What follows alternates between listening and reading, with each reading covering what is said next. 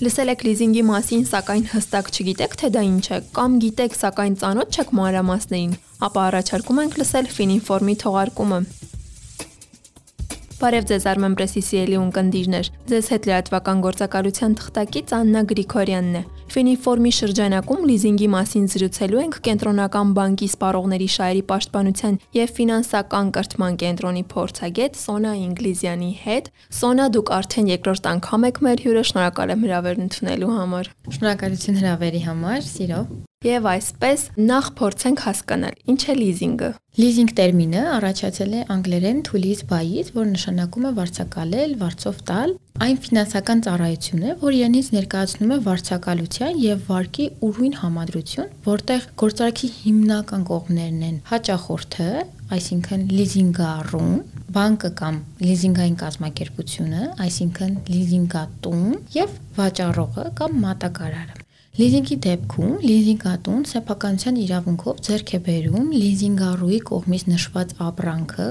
գույքը, հիմնական միջոցը եւ այլն, եւ փոխանցում է վարձակալության իրավունքով լիզինգառուին, այսինքն տալիս է նրա տնօրինմանը եւ օգտագործմանը։ Շատ լավ, իսկ ովքեր կարող են օգտվել լիզինգի գործինքից եւ ինչպես։ Լիզինգը տրամադրվում է եւ ֆիզիկական անձանց, եւ անհատ ձեռնարկատերերին, եւ իրավաբանական անձանց։ Լիզինգի ծառայությունից օգտվելու քայլերը շատ པարզ են։ Նախ անհրաժեշտ է, որպեսզի հաճախորդը ընտրի առաջարկվող տարբերակներից իրեն համար նպատակահարմարը։ Կան լիզինգի տարբեր ծառայություններ, տարբեր պայմաններով եւ հաճախորդը ցանկալի է, որ ընտրի իրեն հարմար ավելի նպատակահարմարը, կախված նրանից թե ինչ գույք է ձեռք բերելու, ընտրի տվյալ շուկային համապատասխան ծառայությունը եւ դիմի լիզինգ տրամադրող կազմակերպությանը։ Ապա կնքվում է պայմանագիրը եւ գործընթացը սկսվում է։ Ինչ տեխնիկա եւ գույք կարելի է ձեռք բերել լիզինգի գործիքի միջոցով։ Լիզինգի պայմանագրի առարկա կարող է լինել ցանկացած չսպառվող գույք, մասնավորապես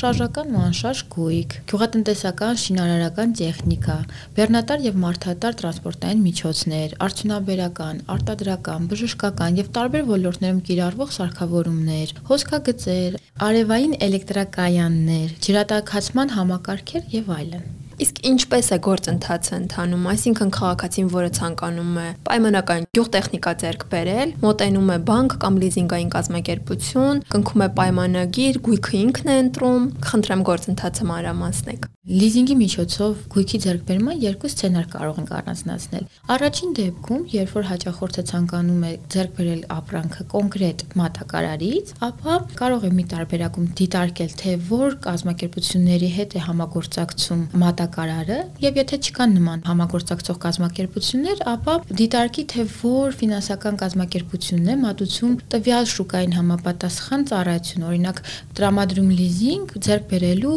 արևային էլեկտրակայան պայմաններ կամ ջրատաքացման համակարգեր եւ այլն, հա։ Եթե օրինակ այդ ոլորտից է իր կողմից ընտրված ապրանքը։ Եվ երկրորդ սցենարը կա, երբ որ հաճախորդը ընտրում է լիզինգային կազմակերպությանը կամ բանկին, որը տրամադրում է լիզինգ, ապա իրականացնում են համատեղ գույքի ընտրությունը։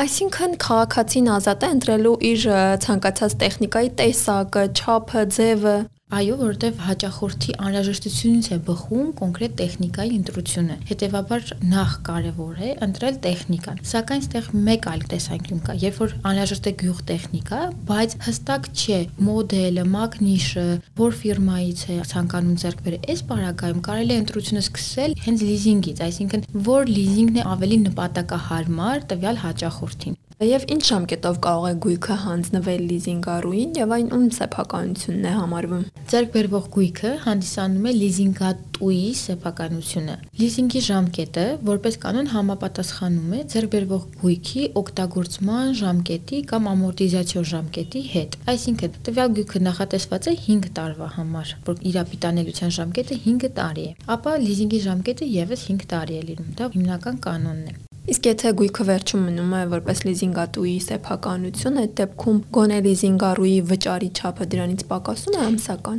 Վճարի չափը որոշվում է ի սկզբանե պայմանագիր կնքելիս եւ իհարկե կախված նրանից, թե գույքը վերադարձվելու է լիզինգատուին թե ոչ, որոշվում է վճարի չափը եւ parze, եթե վերադարձվելու է, ապա վճարի չափը ավելի քիչ կլինի, քան հաճախորդին սեփականությամբ անցնելու դեպքի։ Սակայն պայմանագրով կարող է նախատեսվել երկու դեպք՝ կամ լիզինգի ժամկետի ավարտից հետո գույքը փոխանցվում է հաճախորդին կամ մնում է լիզինգատուի սեփականություն որպես Եվ ինչ պարտավորություններ ունի լիզինգառուն։ Լիզինգառուի ամենահիմնական պարտավորությունը դա լիզինգի պայմանագրով սահմանված ժամկետում եւ չափով լիզինգային վճար կատարելն է։ Բայց սրանից բացի կարելի առանձնացնել եւս մի քանի կարևոր պարտավորություններ, որոնցից են օրինակ այն, որ լիզինգառուն չպետք է խոչընդոտի լիզինգատուին գույքի ուսումնասիրելու ընթացիկ հսկողություն իրականացնելու գործընթացներին։ Այսինքն լիզինգատուն իրավունք ունի ընթացիկ հսկողություն հսկողություն իրականացնել, մոնիտորինգ կատարել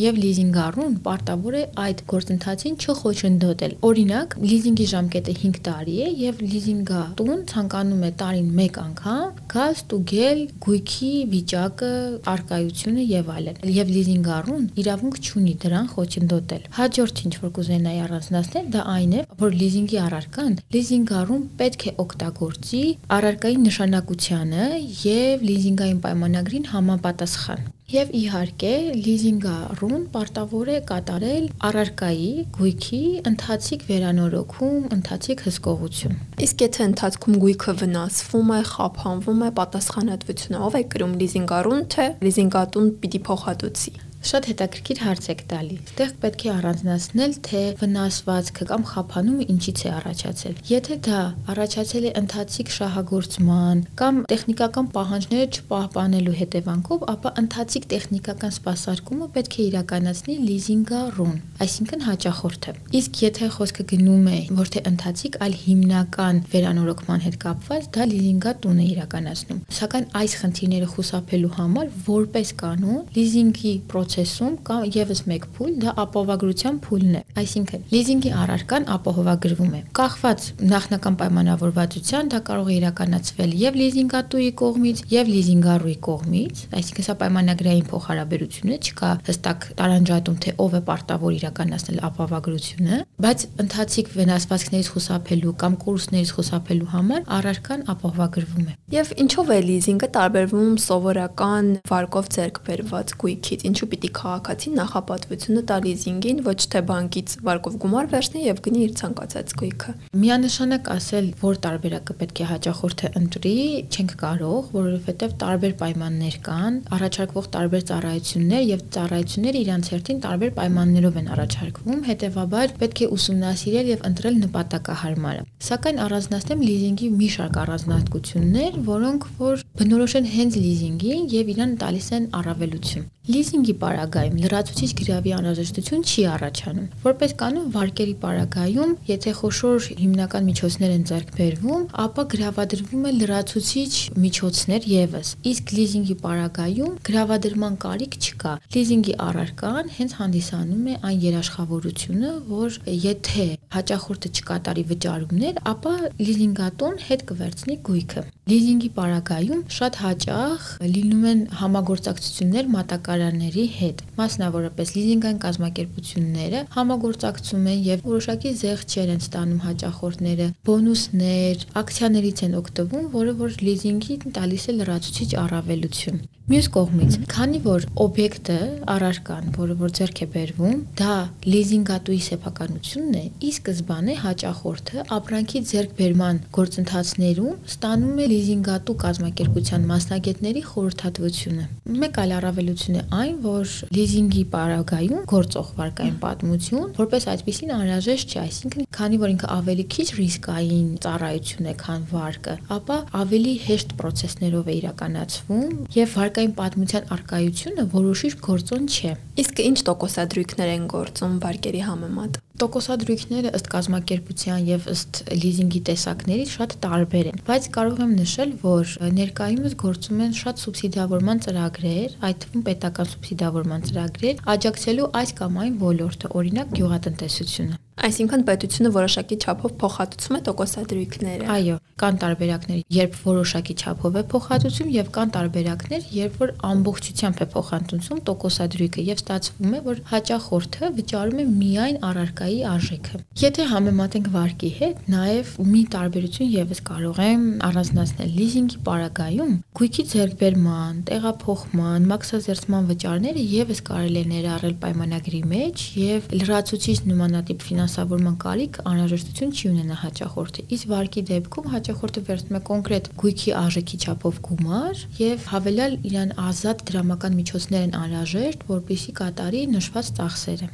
Իրավաբանական անհաճախորդների համար լիզինգը ունի եւս մեկ առավելություն, դա այն է, որ պայմանագրի գործողության ողջ ընթացքում հիմնական միջոցը կամ լիզինգի առարկան հաշվառվում է հաճախորդի հաշվեկշռում եւ նա կատարում է ամորտիզացիոն մասհանումներ, նվազեցնում է շահութահարկը եւ կարող է ազատվել նաեւ ավելացված արժեքի հարկից։ Եվ ձեռնարկատիրական գործունեություն իրականացնող հաճախորդների համար եւս մի առավելություն ունի լիզինգը, որը մեր օրենսդրությամբ վերջերս է կատարվել այդ փոփոխությունը եւ լիզինգը ստացել է հնարավորությունը, դա այն է, որ կազմակերպությունները կարող են իրենց մոտ ունեցած առարկան վաճառել լիզինգային կազմակերպությանը եւ լիզինգով հետ ձեռք բերել դա, արդյունքում ստանան լրացուցիչ դրամական միջոցներ։ Այսինքն, երբ որ կազմակերպությունը լրացուցիչ դրամական միջոցների կարիք ունի, ինքը իր հաստոցը վաճառում է կազմակերպությանը եւ լիզինգով դա հետ է վերցնում, ապա պարտավորվում է հաջորդիվ ինչ որ X ժամանակատվածի համար կատարել պարբերական վճարումներ, լիզինգի վճարներ